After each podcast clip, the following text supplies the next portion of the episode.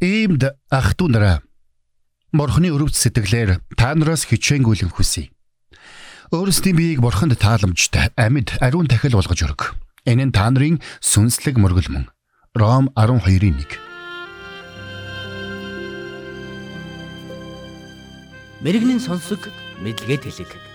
Ухаалаг нь мэрэгэн өдрөмжийг мөн авг. Доктор Харалт цаалогийн мэрэгэн зөвлөмж нэвтрүүлэг.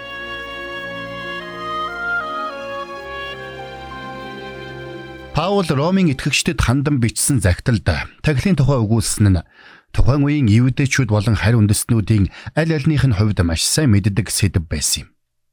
Археологчид малталгаар ямар нэгэн сүмийн тойр олох бүрдээ тэндээс ямар нэгэн тахилын уул мөрийг заавал олдог. Учир нь сүм болон тахил гэсэн хоёр ойлголт өөр хоорондоо салшгүй холбоотой юм. Ямар ч бурхны ямар ч сүм бай ялгаагүй хүмүүс үргэлж тахил өргөсөөр ирсэн. Ингэхдээ тэд өөрсдийнхөө дутуу хөтөөг дүүргэх гэж бурхтын тааллыг олох гэж хамгийн эрхэм гэж үзсэн зүйлээ тахилд өргөдөг байжээ. Эртний Тир Сидоноос олдсон эд үлгийн зүйлсийг дэлгэн танилцуулсан нэгэн музейг үзэж байснаа би огт мартадгүй юм. Тэнд олон зуун нялх хүүхдийн арыг яс байсан нь тухайн үед хүмүүс нялх хүүхдэрээ хүртэл тахил өргөдөг байсныг гэрч юм. Гэхдээ мэдээж хүмүүс дандаа үр хүүхдэрээ тахил өргөдөг байсангүй.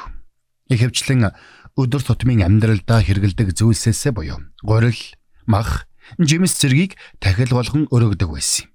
Тиймээс ч Паулыг тахилын тухай өгүүлэх үед уншигчд нь түүний хэлэх гэсэн санааг бүрэн ойлгож байсан юм. Гэхдээ Паул энд өр хүүхдэрээ тахил өргөх тухай биш. Харин Бурхны өршөөл нэгүслийн хариуд өөрсдийнхөө биеийг амьд тахил болгон өргөхийг уриалсан байдаг. Тэгвэл хамтдаа хүний биеийн бүтцийг бодоод үзцгээе. Таны бие гэхэд багцаагаар 50 тэрлион эсийн нийлбэр юм. Таны тарих 1 кг гаруй жинтэй бөгөөд өдөр бүр 100000 гаруй бодлоод таны тарихаар урсан өнгөрдөг байх юм. Таны тархинд буй 100 тэрбум орчим мэдрэлийн эс мэдээллийг боловсруулж байдаг аж.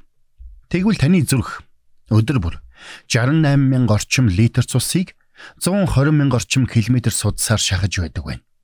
Ийм том шахуургыг та амьдрал дээр хийх гээд оролдоод үзээрэй. Бараг л боломжгүй. Цаашилбал таны нүд байна.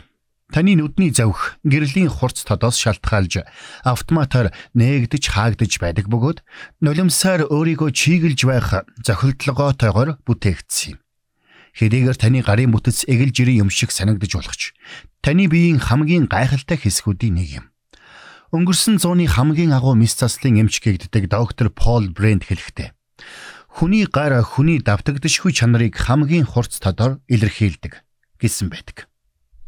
Үнэхээр найз минь чиний бие Элч Паулийн хэлсэнчлэн бурхныг алдаршуулах гайхамшигтай амьд тахил байх учиртай юм шүү. Сонирхолтой нь Библиэд хүний биеийн талаар маш олон зүйлсийг өгүүлсэн байдаг. Тэр бүхнийг ярих цаг өнөөдөр надад алга.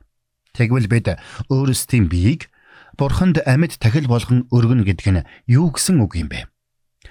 Амьд тахилын нэг асуудал нь тэд тахилын ширээн дээрээс мөлхөж явчихад байдаг юм гэж нэгэн пастор хошигнсан байдаг.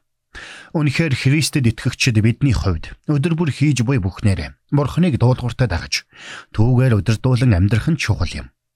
Бид ингэж амьдрч чадвал сая бид Бурханд өргөгдөх амьд тахил байж чадна.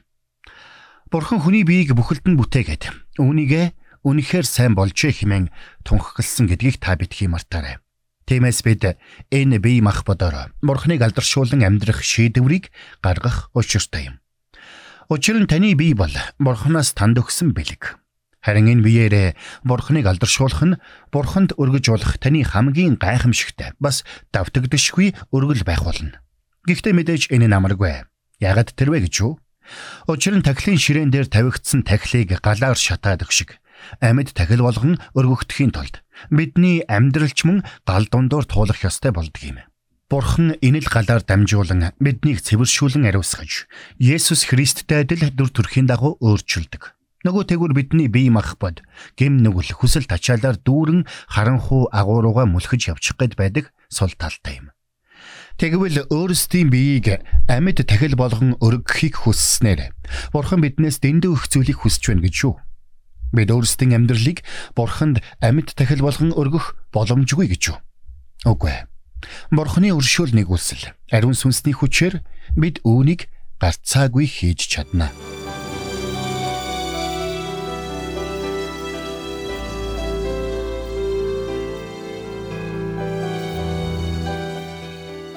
Мэргэн нэгнийг дагуул мэргэн, мулгуутай нөхөрлөл хорлол. Доктор Харалт цайлигийн мэрэгэн зөвлөмж нэвтрүүлэг танд хүрэлээ.